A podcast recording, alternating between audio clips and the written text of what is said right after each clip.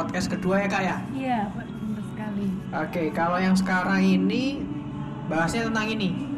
Fresh graduate itu tanya tentang situasi kerja nih, kan dia kan Iya. dari kampus ya. Dari Iya. kampus yang ya sehari paling berapa SKS sih kuliahnya Iya. kayak cuma ya 5 jam, 6 jam itu udah udah berat banget gitu loh menurut Iya. teman-teman. Terus pulang pulang dari kampus mungkin yang ngerjain tugas entah itu di kampus atau di kafe gitu-gitu ya. Nah, kalau otomatis kegiatan itu beda banget dong dengan dunia kerja gitu loh. Iya. Nah, kali ini kita akan bahas tentang eh, bedanya apa sih gitu dunia sekolah atau dunia kampus dengan dunia kerja. Kalau di kampus mungkin kita kenalnya teori-teorinya aja. Hmm. Kita belajar juga sih tentang menghadapi dunia nyata di lingkungan organisasi, tapi itu belum seberapa dibanding dengan dunia kerja. Oke. Dunia kerja em, adalah the real world-nya kita, di mana kita mungkin akan mengaplikasikan ilmu yang sudah kita pelajari di sekolah atau di Oke. kampus. Tapi apa yang kita pelajari di kampus itu mungkin belum tentu bisa diterapkan di lingkungan kerja. Oke, oke, ya, ya. ya. Contohnya, yang Contohnya adalah em, dokter aja. Mungkin ilmu-ilmu berdasarkan teori ya. mengintervensi atau memberikan pengobatan kepada pasien harus seperti ini. Tapi kalau karakteristik pasiennya ternyata seperti itu, pengobatannya harus berbeda juga. ah, mungkin perlu perlu penyesuaian penyesuaian kali ya. Iya. Di eh, bisa jadi patokannya sama, cuman caranya mungkin perlu diubah sedikit-sedikit. Jadi Iya. biar biar treatmentnya tetap masuk gitu kali ya. Iya. Oke oke. Contoh sedikit gitu ya. Jadi eh, teori kalau diaplikasikan itu belum tentu eh, sama persis harus sama persis gitu ya. Iya.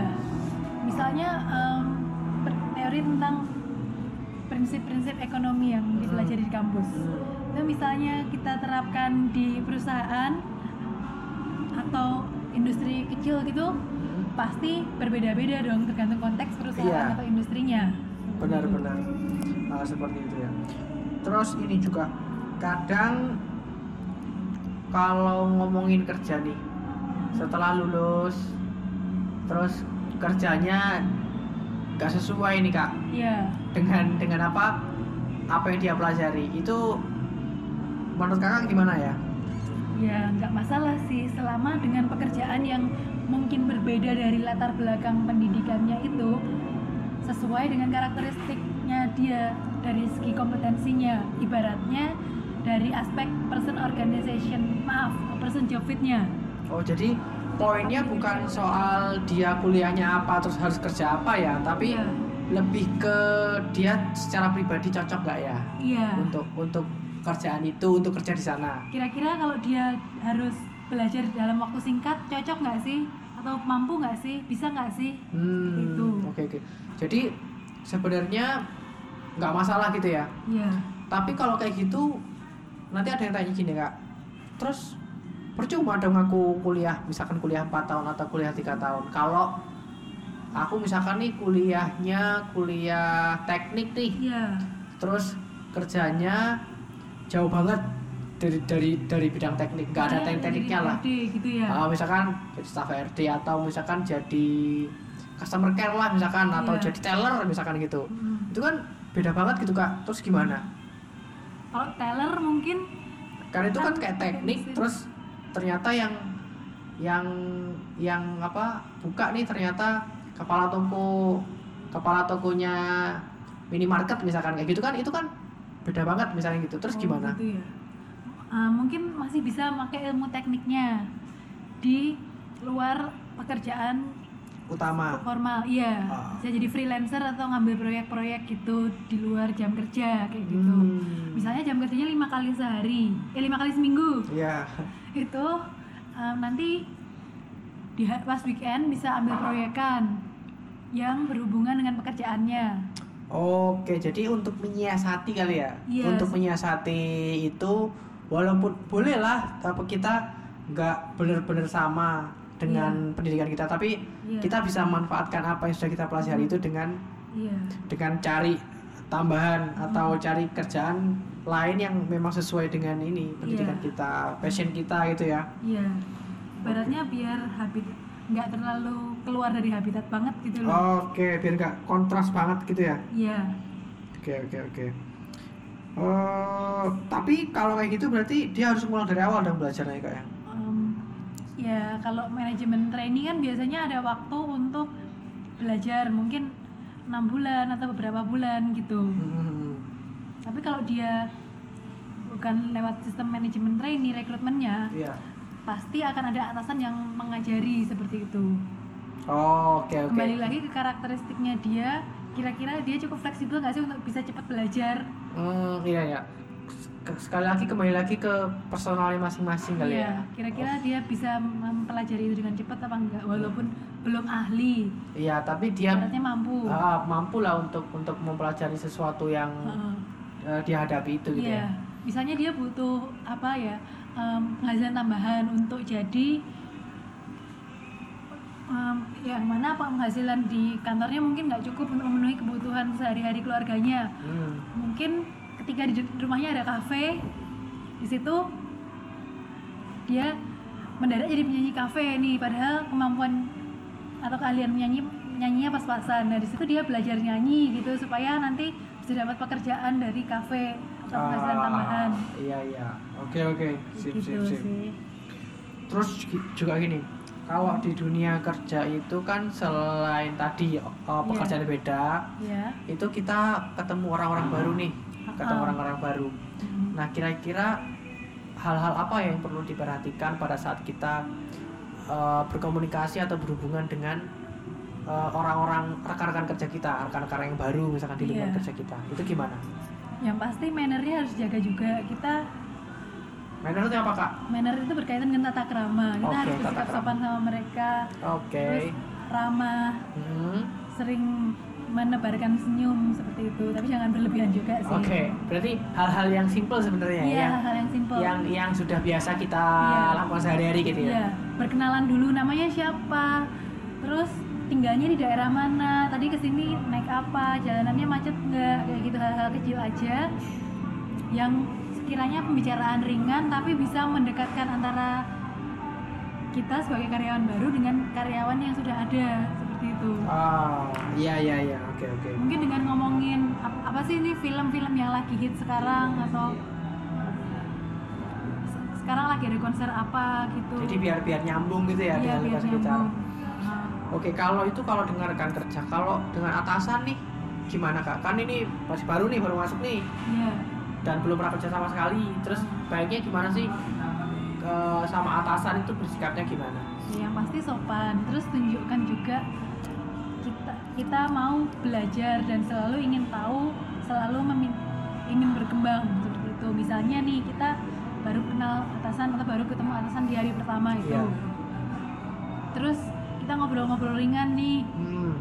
Kira-kira pekerjaan saya apa ya? Oh, job job desk-nya apa aja? Iya, job desk-nya apa saja. Terus apa saja yang bisa saya kerjakan mulai hari ini? Terus apa yang bisa kira-kira saya bantu gitu buat bapak Iya, gitu kali ya? Apa bisa saya bantu? Betul sekali itu. Ah.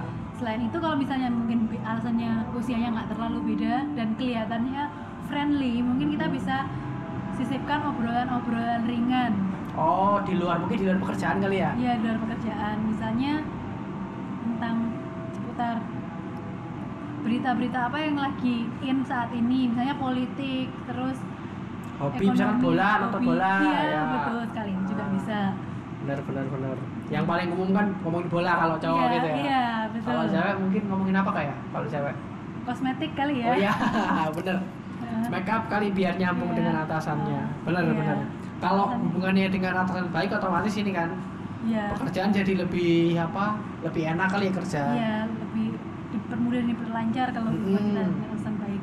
Iya iya. Minimal atasan langsung lah ya. Iya, atasan kita langsung. Iya. Bener. Karena intinya juga kalau di tempat kerja juga kalau hubungan sama teman-teman enak, baik gitu ya. Terus kalau sama atasan baik juga kerjanya jadi nyaman kali ya. Iya, betul sekali. Kalau ada apa-apa kita juga dibantuin. Iya. bener. bener. Dan yang terpenting kalau kita sudah lumayan kenal nih, udah lumayan deket, kita cari tahu nih tipe atasan kita tuh seperti apa. kan ada tipe pemimpin atau atasan Ah, ada Gimana? tiga yang pertama, ada tiga yang pertama otoriter otoriter itu gimana kak? Otoriter itu gimana? otoriter itu yang cenderung ingin menunjukkan kekuasaannya atau statusnya atau jabatannya sebagai atasan Oh, contoh ti- tindakannya gimana? contoh tindakannya misalnya kalau dia menginginkan sesuatu atasan tidak diberikan kesempatan eh, maaf bawahan tidak diberikan kesempatan untuk berimprovisasi atau memberikan saran Kalau A ya A gitu ya? iya kalau A ya A Waduh, repot kalau gitu wes. selanjutnya yang demokratis Ah, ah.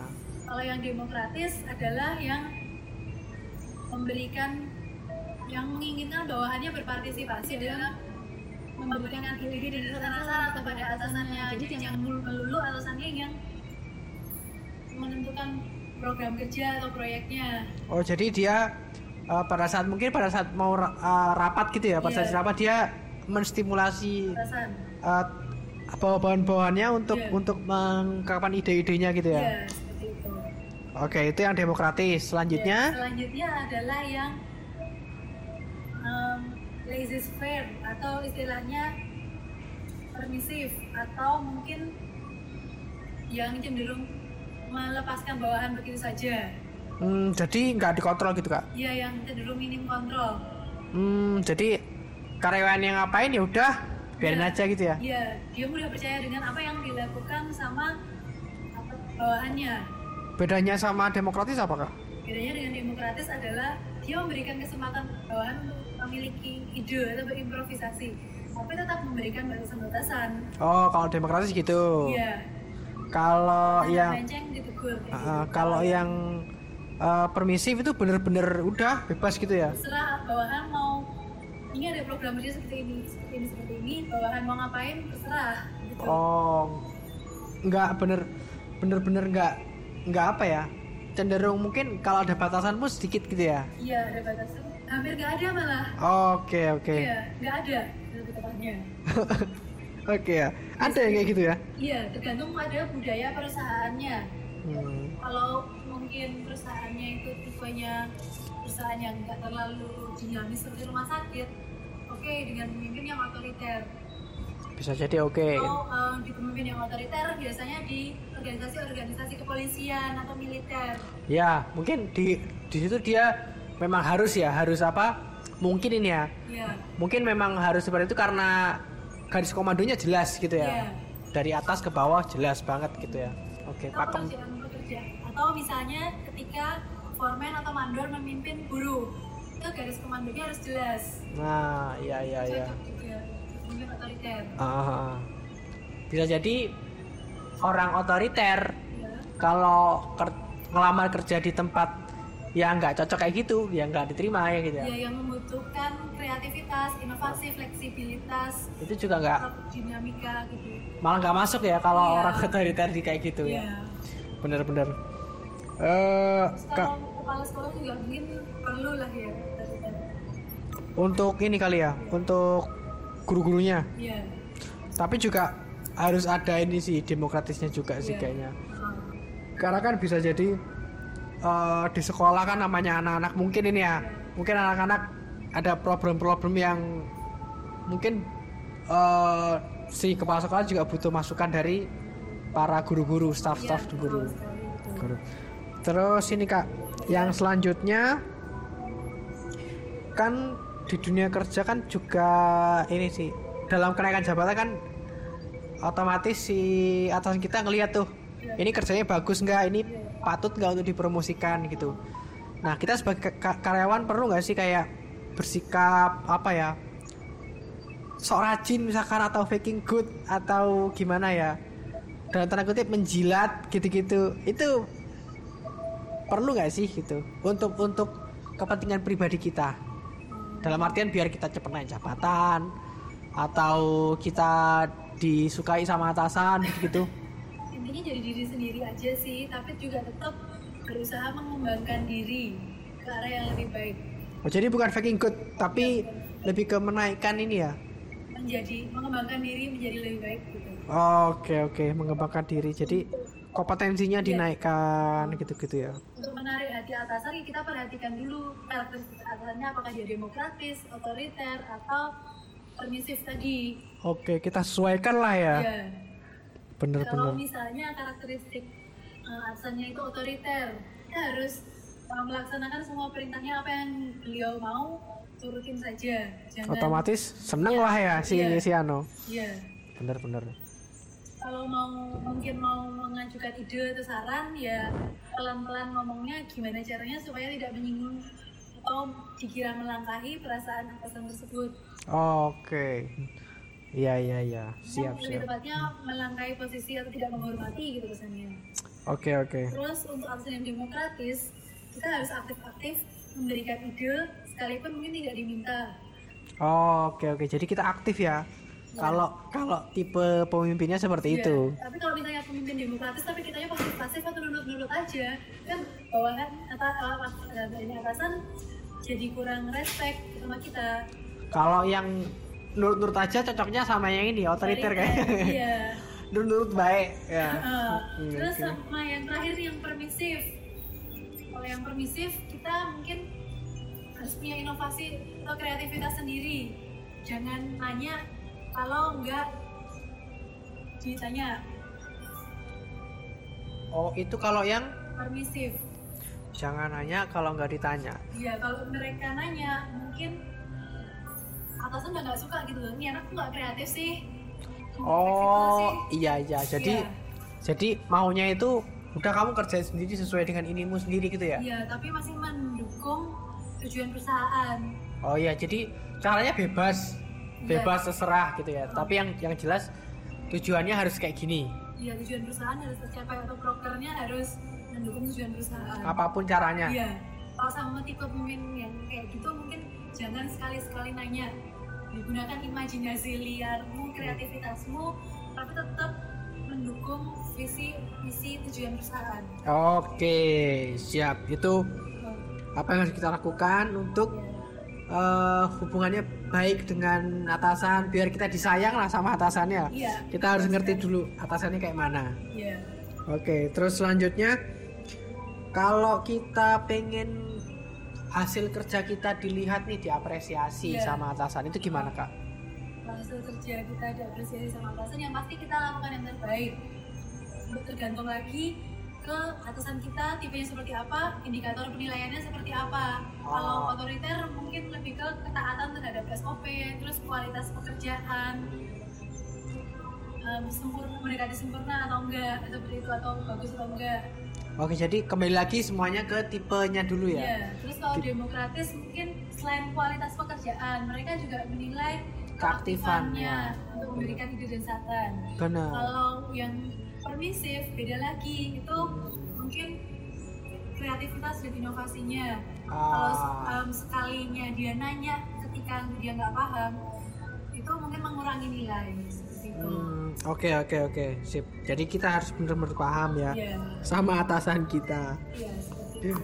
Terus selanjutnya eh, kan ini ini, ini, eh, sekarang itu ada fenomena bukan fenomena sih ada beberapa orang itu anak karyawan anak-anak zaman sekarang itu sukanya pindah-pindah kak Iya, betul. loncat-loncat kalau misalkan eh, ada salah satu dia udah kerja nih di perusahaan A terus di perusahaan B ada lowongan nih. Ih kok kayaknya benefitnya lebih oke nih.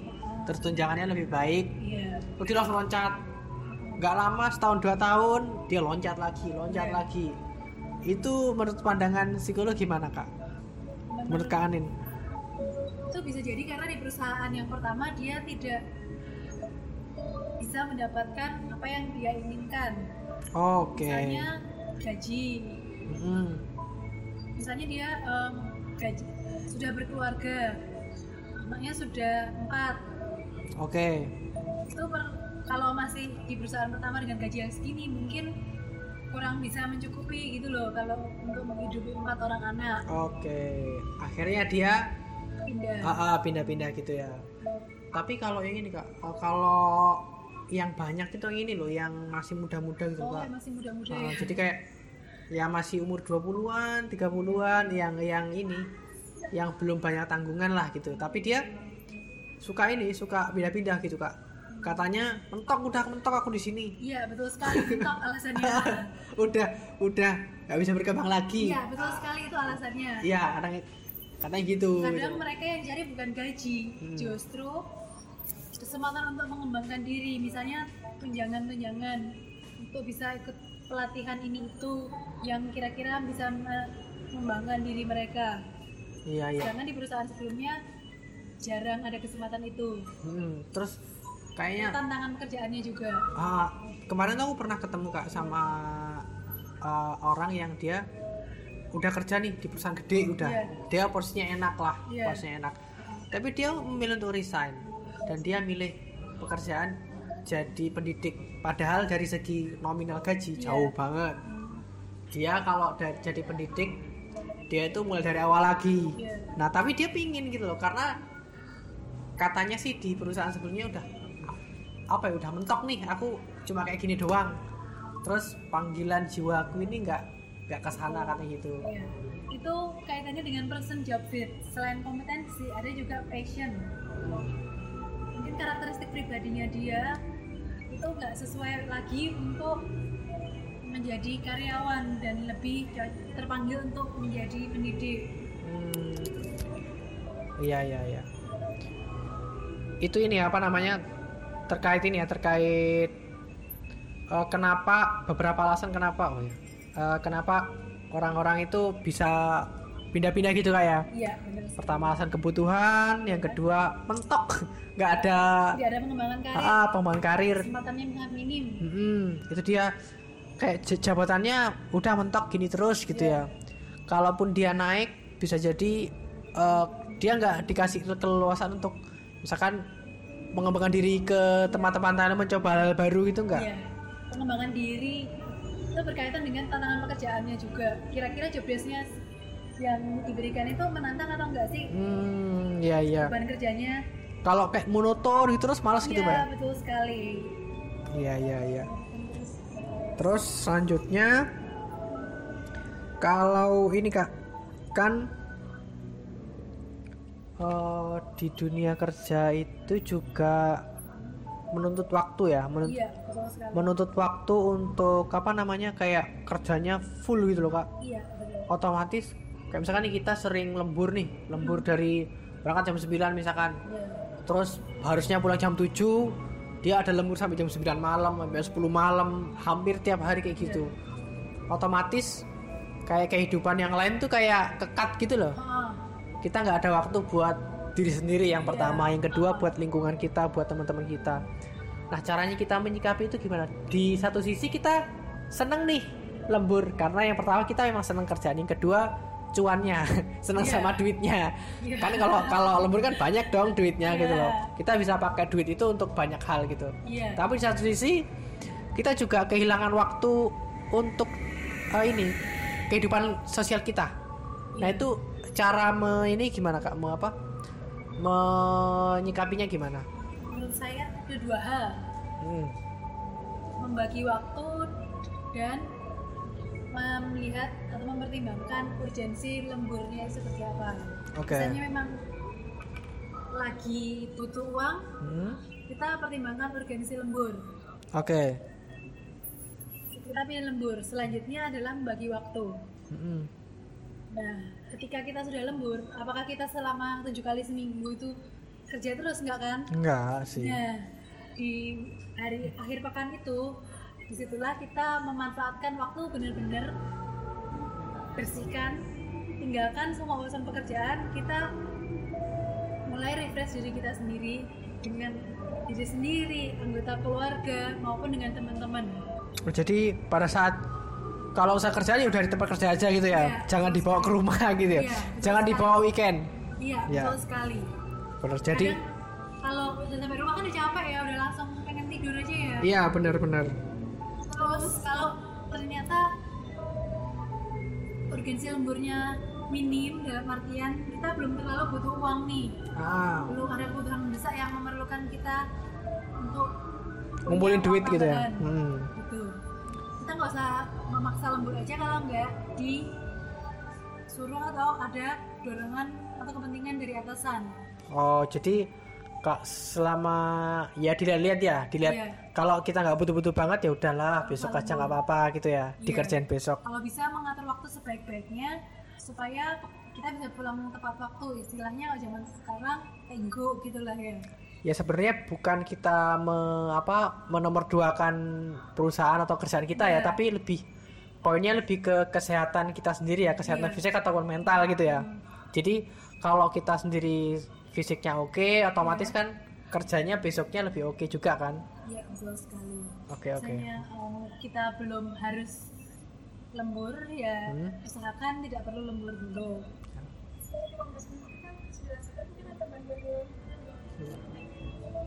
Oke Jadi terus? langsung pulang kalau jam kantor sudah selesai seperti itu. Oke oke. Oke terus yang ini kak?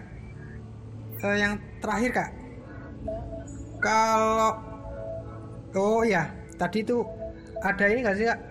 Tips-tips lagi buat ini buat biar weekendnya enjoy gimana? Menikmati weekend selain kan tadi kumpul-kumpul sama keluarga. Kalau misalkan jauh kan susah juga kak. Misalkan merantau nih Iya. merantau caranya biar eh, weekendnya kualitas uh, berkualitas lah. Jadi biar seninnya itu hari seninnya itu Fresh lagi. fresh lagi gitu. Um,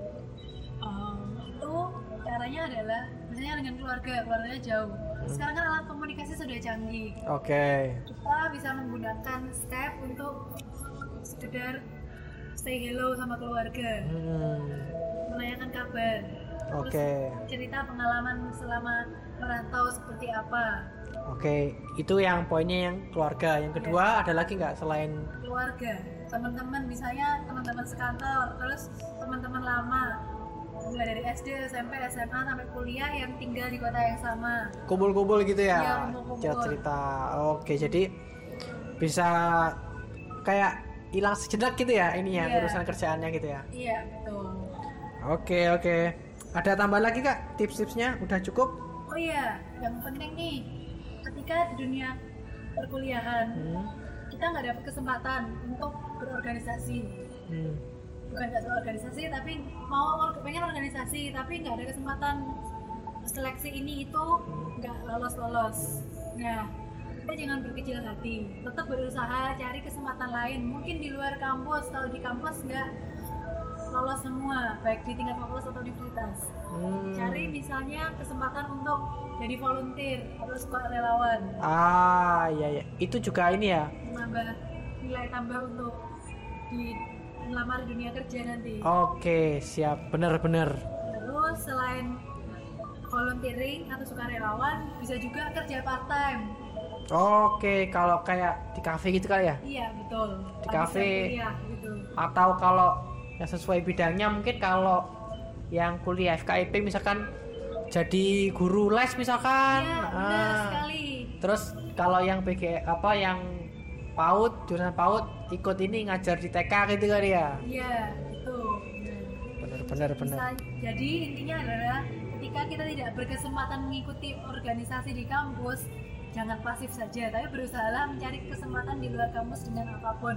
Oke, dunia itu lebar kak ya. Iya, bagi yang tidak suka berorganisasi, sebisa mungkin tingkatkan minatmu di bidang organisasi gitu.